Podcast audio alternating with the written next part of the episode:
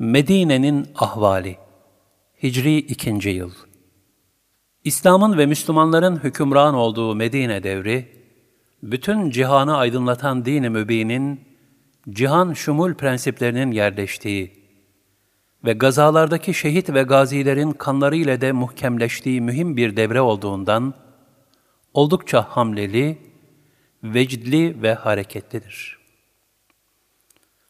Allah Resulü sallallahu aleyhi ve selleme ve muhacirlere her şeyiyle kucak açmış bulunan Medine'deki ortam, başlangıçta tam anlamıyla rahat sayılmazdı.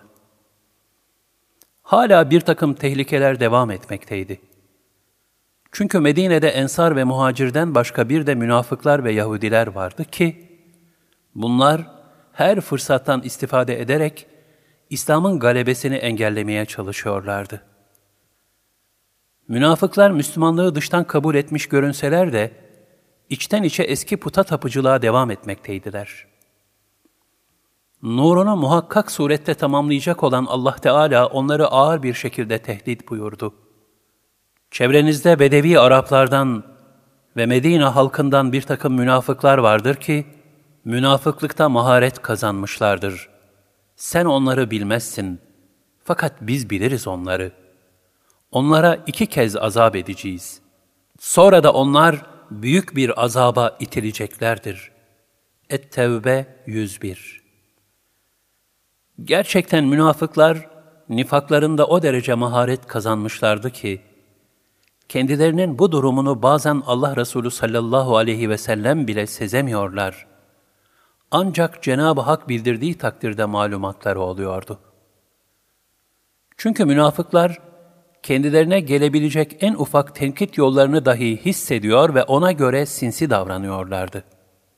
Bu arada Resulullah sallallahu aleyhi ve sellemi ve müminleri hicret etmek mecburiyetinde bırakan Mekkeli müşrikler de boş durmuyor, Medine'deki münafıkların oluşturduğu fitne ocağını körükleyip duruyorlardı.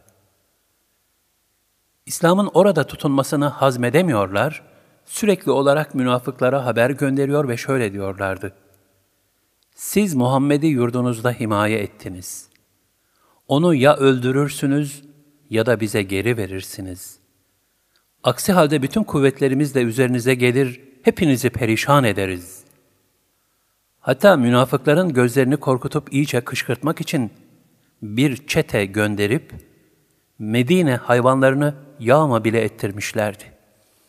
Durum çok nazikleşmiş ve iyice tehlike arz eder hale gelmişti.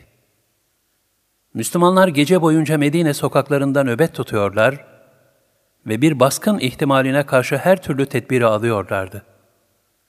Hatta Allah Resulü sallallahu aleyhi ve sellem Efendimiz bile gecelerini uykusuz geçiriyorlardı.